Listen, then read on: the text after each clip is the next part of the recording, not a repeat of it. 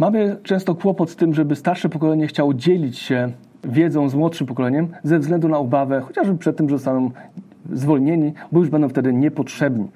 Więc musimy wspierać dojrzałe już osoby, dojrzałe też wiekiem, doświadczeniem, kompetencjami do tego, żeby budować takie środowisko, w którym mentoring, dzielenie się wiedzą nie będzie zagrożeniem dla mojej pracy, dla moich zadań, a będzie właśnie doceniany, nagradzany przez menedżerów, przez kierownictwo firmy.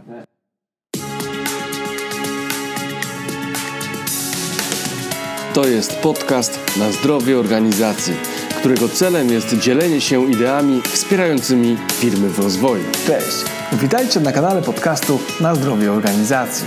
Tutaj rozmawiamy z moimi gośćmi o tym, jak mądrze rozwijać firmę. Nazywam się Maciej Sasin i jestem konsultantem rozwoju organizacji, ale także trenerem i coachem. Wspieram firmy w osiąganiu dojrzałości biznesowej. Pomagam im przechodzić kryzysy w rozwoju. Moją misją jest budowanie zaangażowania pracowników. Do podcastu zapraszam trenerów, konsultantów, menedżerów, właścicieli firm, czyli wszystkich tych, którzy mają doświadczenie w przełamywaniu ograniczeń, które towarzyszą rozwojowi każdej organizacji. Zapraszam do słuchania, obserwowania i komentowania. Macie Sasin. Cześć, witaj w 119 odcinku podcastu Na zdrowie organizacji. Z tej strony Maciej Sasin z Akademii Rozwoju Kompetencji. W tym odcinku zaprezentuję drugą część webinaru z 6 czerwca, e, który obejmuje temat mentoringu, a w szczególności opowiem o tym, jak wykorzystać synergię pokoleń dzięki mentoringowi, jakie narzędzia stosować w mentoringu oraz jak aplikacja Ask Mentor, o której już e, mówię po raz kolejny w podcaście, jak ona może pomóc w firmowym mentoringu, czy też w rozwoju pracowników generalnie. Zapraszam do posłuchania.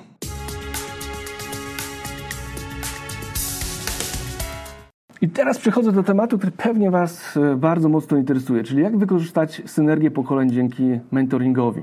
Nie ukrywam, że ten temat ostatnio bardzo mocno e, badam i, i rozmawiając z menedżerami, bardzo często słyszę narzekania na temat tego, jakie to pokolenie jest beznadziejne, trudne, nieodpowiedzialne i nieefektywne ale też drażliwe i wrażliwe na, na swoim punkcie. Dotarłem do y, bardzo dawno temu takiej koncepcji Dawida Sapera y, etapów rozwoju, naturalnych etapów życia i rozwoju zawodowego.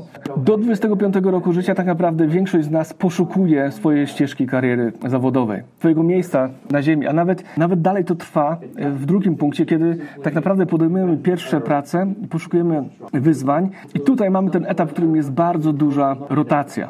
Rotacja mam na myśli zmianę, zmianę zmianę pracy.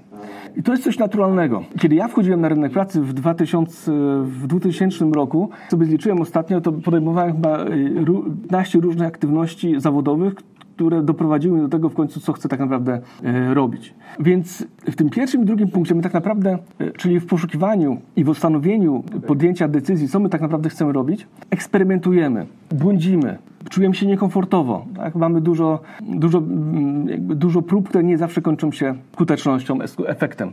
No i tu mamy tą nieszczęsną gotowość do zmiany pracy, której nikt nie lubi, bo przychodzi, popracuje rok, pół i się zwalnia. Jest to strasznie męczące dla pracodawców, ale zawsze tak było i pewnie tak będzie. Dopiero mniej więcej około 25-35 roku życia zaczynamy podejmować bardziej świadome e, decyzje i zazwyczaj już trochę dłużej potrafimy pracować, 2-3 lata, ale potrzebujemy też możliwości awansu. Wtedy, kiedy ta możliwość awansu się kończy, my zaczynamy poszukiwać nowe, nowej pracy, nowych wyzwań. Wchodzi kredyt, chcemy ten kredyt spłacać i niestety, ale to, to wymaga od nas właśnie zmiany, e, zmiany często środowiska pracy. Później pojawia się ten taki, taki środkowa kariera zawodowa, gdzie jesteśmy dojrzali, kompetentni. Myślę, że to jest taka, można powiedzieć, złoty, złota era w, w naszej pracy, kiedy właśnie między 35 a 50 rokiem życia wykorzystujemy nasze, nasze umiejętności optymalnie. Mamy tą synergię tej, wiedzy, kompetencji i doświadczenia życiowego. Później przychodzi późna już kariera zawodowa, pewnie około 50, 60, gdzie już tam się tak nie chce, gdzie już dużo rzeczy zrobiliśmy, potrzebujemy większego spokoju, nie chcemy już tak e, zdobywać szczytów gór, potrzebujemy trochę więcej spokoju i dochodzimy do etatu, do etapu, w którym pojawia się schyłek i przejście na emeryturę. I tak naprawdę ten czwarty, piąty moment w karierze, czyli późna kariera zawodowa i jej schyłek, to jest moment, w którym bardzo często pojawia się potrzeba mentoringu, czyli bycia kimś więcej niż tylko pracownikiem, niż tylko specjalistą, ale chcemy dzielić się tą wiedzą i doświadczeniem. Tutaj w kontekście pokoleń, pokoleniowości, do tego narzekania, chciałem zwrócić uwagę na to, że, że to jest coś naturalnego dla każdego wieku. Ściągnąłem sobie artykułów z 2014 roku, czyli 10 lat temu, na temat milenialsów. Wtedy milenialsi wchodzili na rynek pracy. I wiecie co? Te same zarzuty się pojawiły co do nowego pokolenia. I to jest e, coś, co będzie i, i, i z nami i po prostu tego nie zmienimy. I dlatego zawsze mówię, zapomniał wół, jak cielęciem był. Zapominamy, jakie błędy popełnialiśmy, że nie byliśmy od razu kompetentni, że szukaliśmy, eksperymentowaliśmy. I te różnice, konflikty pomiędzy pokoleniami po prostu były, są i będą. To jest wpisane w naturę e, rzeczy. A z drugiej strony, mimo to świat nadal istnieje, nadal będzie istniał, pomimo tego, że w cudzysłowie tacy beznadziejni ludzie wchodzą na ten rynek pracy. Ale okazuje się, że każde pokolenie zmienia ten świat kawałek po kawałku i ten świat jednak idzie, w, mimo wszystko, mimo trudnych sytuacji, jednak jakoś do przodu i jesteśmy jako ludzie bardziej świadomi, technologia się rozwija, może nie zawsze w takim kierunku, w którym byśmy chcieli, ale jednocześnie mamy coraz większe możliwości, coraz większe coraz większy poziom rozwoju naszej kultury no, powoduje, że wie, coraz więcej ludzi staje się e, światłych dzięki edukacji itd., itd., itd. Natomiast jednak, mimo wszystko, ten system szkolnictwa nie nadąża za zmianami, nie przygotowuje nas, czy młodych pokoleń do tego, żeby optymalnie wejść na rynek pracy i tu nie możemy się doczekać jakiejś racjonalnej zmiany w systemie edukacji, mimo tego, że są dobre wzorce w innych krajach, chociażby w Danii. No i jeszcze wracając tutaj do tego, e, do tych problemów z młodym pokoleniem, chcę zwrócić jedną prostą uwagę. Mamy rynek pracownika. E, kiedyś mogliśmy, mogliśmy sobie prze, przebierać w pracownikach. Jak wchodziłem na rynek pracy, bezrobocie było w okolicach 20%. Można było powiedzieć, że łatwiej było wyselekcjonować te osoby do pracy, które spełniały nasze oczekiwania. Teraz musimy jednak więcej energii włożyć, żeby tych pracowników wyłowić i musimy więcej energii włożyć, żeby ich po prostu ukształtować. I to jest, ten, ta, i to jest przyczyna, dla której mentoring powinien się rozwijać w organizacjach. Na pytanie Jakuba, pana Jakuba, ile mentor może mieć pod skrzydłami menti, nie ma jasnej odpowiedzi, ale myślę, że muszą być spełnione e, takie warunki jak że mentor y, nie może go to przytłoczyć, nie może go zbytnio odciągnąć też od jego celów, jego, jego obowiązków, bo to jest mentoring, to jednak jest proces, który jest, jest trudny, wymagający, męczący też dla osoby, która ten mentoring prowadzi. Jest wymaga, wymagający po prostu, więc też nie można tej osoby zasypać. Y, y, więc tutaj nie dam jasnej odpowiedzi. Doświadczenia wiem, że gdzieś tam tak trzech mentee w, w jednym czasie jeszcze da się obsłużyć, w tym, z tym założeniem, że no, poświęcimy na to gdzieś e, przynajmniej jeden dzień e, w tygodniu. I co, co możemy zrobić zatem, żeby wykorzystać ten e, efekt synergii pokoleń właśnie dzięki mentoringowi? Przede wszystkim musimy rozwijać rolę też menedżera. Czyli menedżer też jednak powinien być, mimo tego, że nie zawsze to wychodzi, ale powinien być mentorem dla swoich pracowników. Tego oczekują też młode pokolenia, że ten menedżer będzie dla nich trenerem, że będzie dla nich wsparciem. Czyli musimy mieć, y, musimy trochę z, z, zmniejszyć nacisk na samo zarządzanie, czyli delegowanie, monitorowanie, kontrolowanie na, na ten aspekt rozwojowy. Na to często w firmach brakuje czasu. Idąc dalej, musimy budować świadomość biznesową i poczucie odpowiedzialności y, mentee, czyli młodych osób, które wchodzą na rynek pracy, bo tego zazwyczaj im brakuje i to jest też naturalne, że wchodząc na rynek pracy w okolicy 25 roku życia, nie wiem na czym polega firma, praca w firmie, e, na czym polega biznes, skąd się bierze efektywność, jak ważny jest klient. Ja muszę tego wszystkiego nauczyć, e, przekazać e, na co dzień, tą wiedzę, z którą na co dzień się jeszcze pewnie nie spotkał. Ale też pokazywać związek pomiędzy pracą osób z młodego pokolenia, czy w nowej roli, pracować z nimi nad poczuciem odpowiedzialności za to, co robią, e, za to, jaką pracę wykonują. To też jest rzecz, która, na którą narzeka się zawsze, na którą menadżerowie narzekają.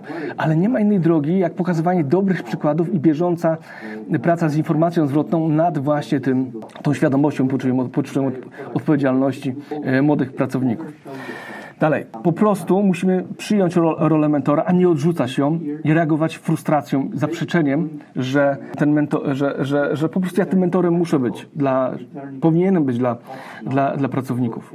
A z drugiej strony musimy czerpać pomysły i inspiracje od młodych, prosić ich o opinię o tym, co oni sądzą, szczególnie w tych aspektach, które są związane z technologią z obecnością w internecie. Dlatego, że to jest ich naturalny ekosystem e, bycia, życia. Można naprawdę wiele od nich e, wydobyć i, i, i jakby wykorzystać ten potencjał w codziennej e, pracy. Idąc dalej, żeby wykorzystać ten potencjał młodych, młodych pokoleń, można też poprosić o to, żeby to oni byli mentorami dla bardziej dojrzałych pracowników. Na przykład wdrażamy system Office 365 czy jakiś Google Workspace, i są osoby w organizacji, które nie mają tej zdolności przyswojenia tej technologii, więc młodzi ludzie mogą być świetnym zasobem organizacji do uczenia starszych, starszych pokoleń tak też powinno być, że mentoring, zawsze kiedy awansuję na jakieś stanowisko, teraz ostatnio mam takie procesy mentoringowe z, z jednym z pracownikiem, który został nowym menedżerem, czyli takim liniowym, no i a w, drugi, a z drugi, w drugą stronę menedżerem, który został dyrektorem. I teraz każdy z nich potrzebuje mentora do tego, żeby optymalnie wykorzystać swoje nowe obowiązki pracy. Więc zawsze, kiedy zaczynam nową rolę, no to właśnie ten mentoring powinien się pojawić jak najszybciej, żeby przyspieszyć ten etap wdrożenia. Natomiast to nie jest koniec rozwoju, bo tak naprawdę te osoby, które mają już wysokie kompetencje, właśnie im przyda się coaching, czyli taka metoda, w której mają już duży potencjał, dużą wiedzę i duże doświadczenie, mogli być mentorami dla, mogliby być mentorami dla innych pracowników, ale mogą się dalej rozwijać właśnie poprzez coaching, poprzez partnerski dialog i przekraczanie swoich ograniczeń. Więc tak naprawdę rozwój jest, można powiedzieć, nieustanny. No i y, jeszcze po, po, ostatnia rzecz, o której chcę powiedzieć, Mamy często kłopot z tym, żeby starsze pokolenie chciało dzielić się wiedzą z młodszym pokoleniem ze względu na obawę, chociażby przed tym, że zostaną zwolnieni, bo już będą wtedy niepotrzebni. Więc musimy wspierać dojrzałe już osoby, dojrzałe też wiekiem, doświadczeniem, kompetencjami do tego, żeby budować takie środowisko, w którym mentoring, dzielenie się wiedzą nie będzie zagrożeniem dla mojej pracy, dla moich zadań, a będzie właśnie doceniany, nagradzany przez menedżerów, przez kierownictwo firmy. Okej, okay, dobra, to przechodząc dalej, jakie narzędzia e, warto zastosować w procesie mentoringu? Tu wymienię ich kilka.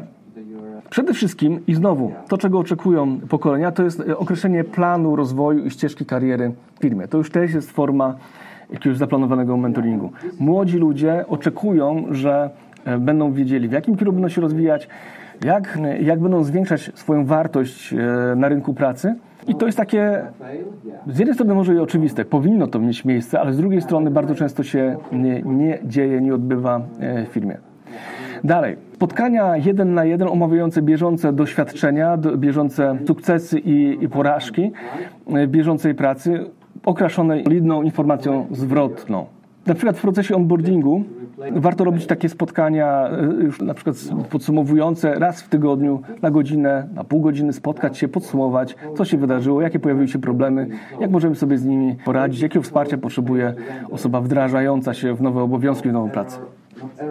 Kolejną ciekawą metodą jest shadowing, czyli towarzyszenie albo pracy mentora i przyglądanie się jego, jego pracy, czyli jako młody adept sprzedaży jadę ze starszym, doświadczonym pracownikiem na spotkanie sprzedażowe, przyglądam się, jak jest prowadzone, a później e, możemy zastosować drugą metodę touringu, czyli ja jako, jako już jako doświadczony bardziej sprzedawca jadę z moim mentorem i pokazuję mu, jak ja to robię, a po spotkaniu dostaję informację zwrotną na temat tego, jak to spotkanie było poprowadzone. I to jest taki shadowing w dwie strony, czyli takie bycie cieniem drugiej, drugiej osoby. Bardzo fajne, niedoceniane e, narzędzie. Mi się zdarza na przykład e, pracować w kontekście, no w różnych kontekstach, ale ostatnio miałem taki kontekst efektywności osobistej z organizacji czasu pracy, gdzie z osobą siedziałem pół dnia, przyglądałem się tego, w jaki sposób planuje, jakby organizuje sobie pracę. No i w międzyczasie dawałem jej podpowiedzi, jak byłaby tą pracę sobie pokładać lepiej, mądrzej, szybciej, lepiej ją wykonać.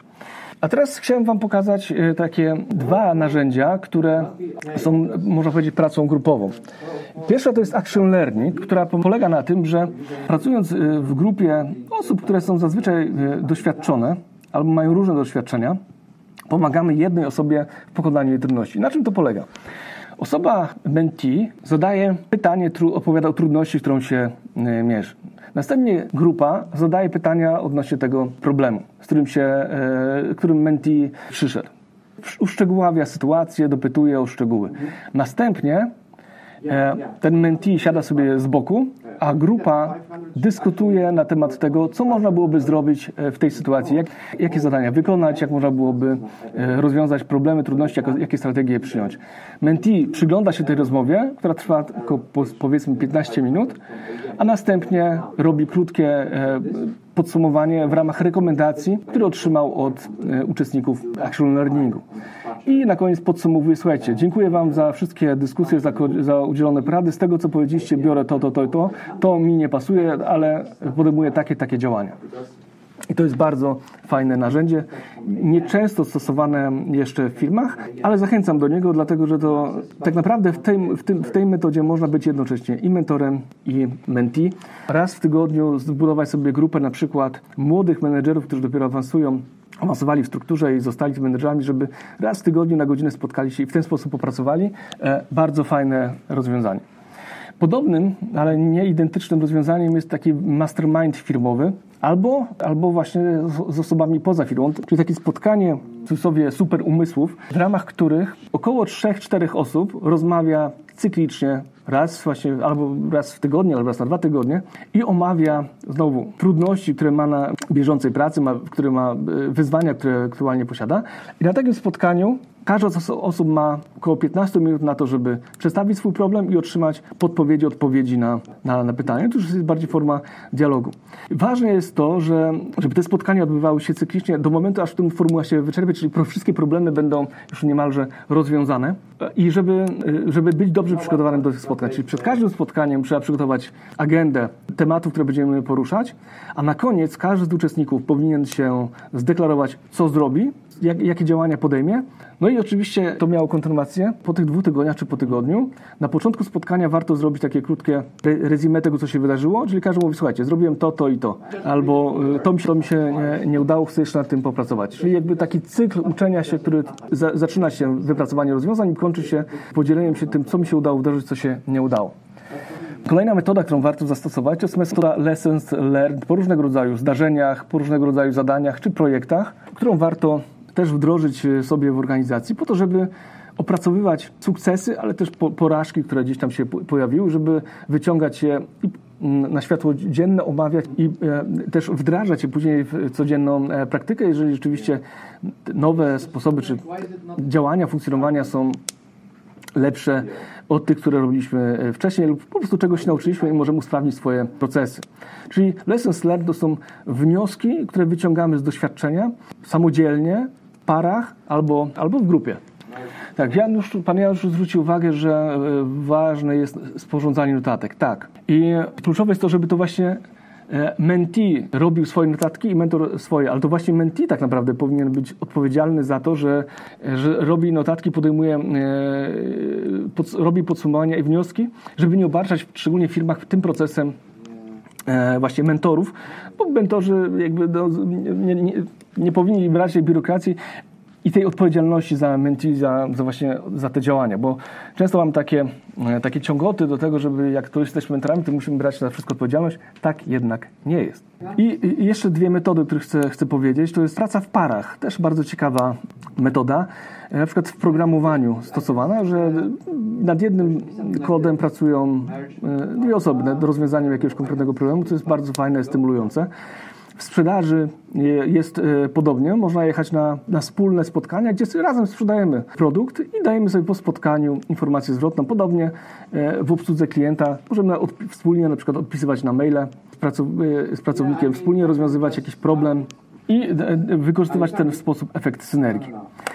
No i mm, takim narzędziem mentoringu, które też wspiera, to jest budowanie wewnętrznej bazy wiedzy firmowej, pigułek wiedzy, instrukcji, instruktarzy, bo nie wszystko, nie wszystkie e, e, jakby mentoringowe porady muszą być przekazywane w formie bezpośredniej, szczególnie w dobie pracy zdalnej. W każdym razie budowanie wewnętrznej bazy wiedzy, lessons learned, jakiejś e, encyklopedii wewnętrznej, pigułek wiedzy, linków do, e, do jakichś ważnych źródeł, ciekawych źródeł, do case study, do, no, do wszystkiego, co jest niezbędne, e, żeby wykonywać swoją pracę lepiej. Fajne, fajne rozwiązanie. Wiem, że w wielu firmach jeszcze to nie funkcjonuje. No właśnie. I kończąc, chcę Wam pokazać narzędzie do mentoringu, które ja przygotowałem które odnosi się do e, kluczowych aspektów prowadzenia e, firmy. Jest wsparciem w rozwoju sprzedawców, HR-u, e, menedżerów, czyli takiej wiedzy uniwersalnej, do, do, która jest niezbędna w każdej firmie, ale jednocześnie bardzo często nie, nie zebranej w jedną całość. Na czym istota tego narzędzia polega? Jest to aplikacja, która e, jest z jednej strony na, na, na desktopie, a z drugiej strony na, na komórce, w ramach której mamy zbudowaną bazę ogólnej wiedzy biznesowej w oparciu o metody mikrolearningu, małe pigułki wiedzy, właśnie linki do artykułów, do podcastów zweryfikowanych już e, wcześniej, które po, pozwalają zdobyć wiedzę, która jest niezbędna w danym, w danym czasie. E, może ona posłużyć właśnie mentorowi do tego, żeby w oparciu o te materiały przygotować się do swoich sesji, do swoich, e, do swoich spotkań.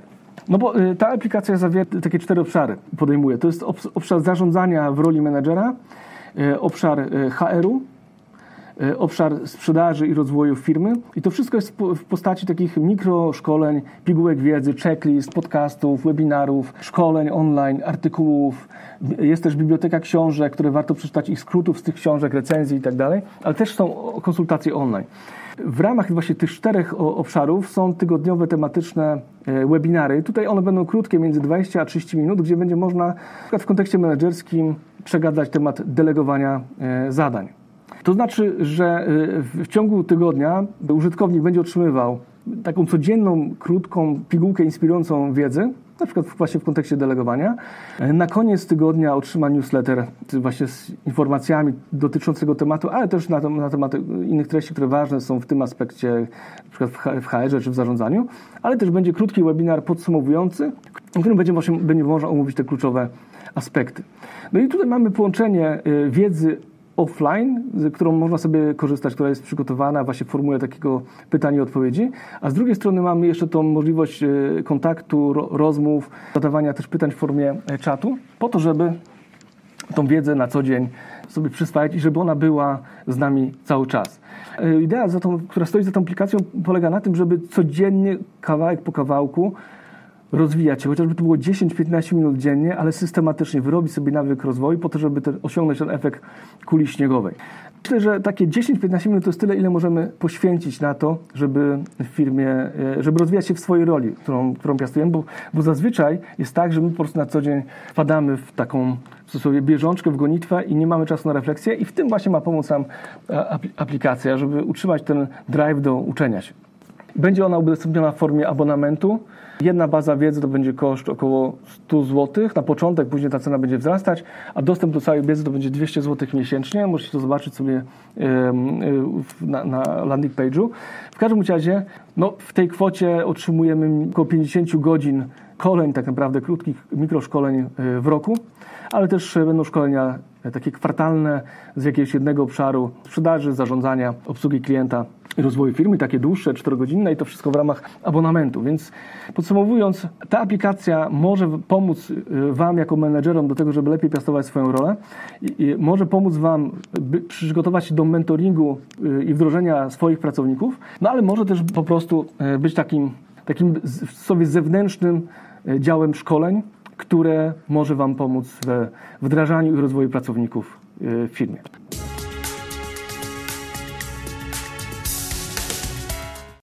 Dzięki za wysłuchanie 119 odcinka podcastu na zdrowie organizacji, drugiego na temat mentoringu w firmie. Mam nadzieję, że temat Was zainteresował i będziecie wdrażać mentoring w swoich organizacjach, bo jest to temat naprawdę ważny, istotny, będzie tylko zyskiwał na znaczeniu. A na koniec, jak już ostatnio mam w zwyczaju, zapraszam do wysłuchania części muzycznej. Dobrego odbioru. Na zdrowie organizacji. Maciej Sasin.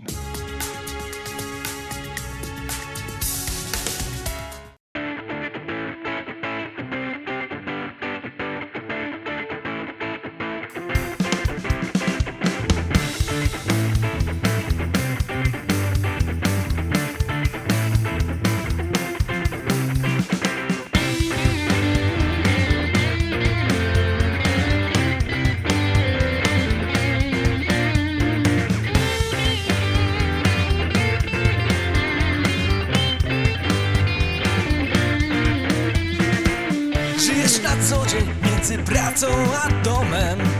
Już zapomniałeś, jaki w tym sens. Rytm mój wyznacza kawa, herbata I wiadomości w TVN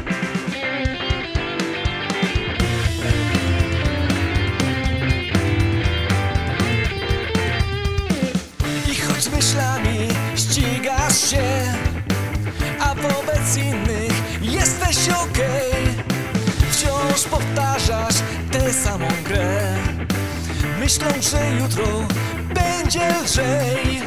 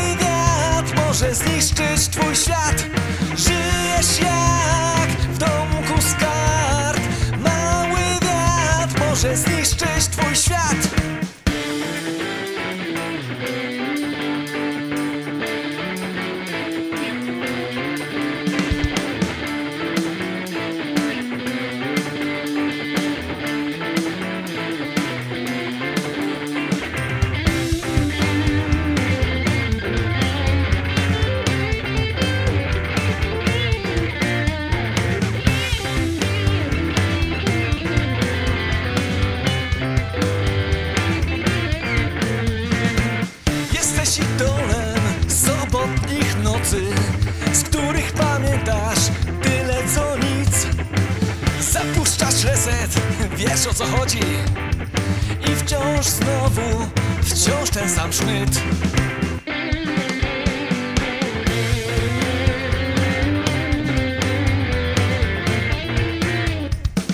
Zegar wciąż tyka, a czas nam upływa. Ty ciągle nie wiesz, czego chcesz. Myślisz być może, ktoś jest za rogiem. I wskaże drogę, gdzie życia sens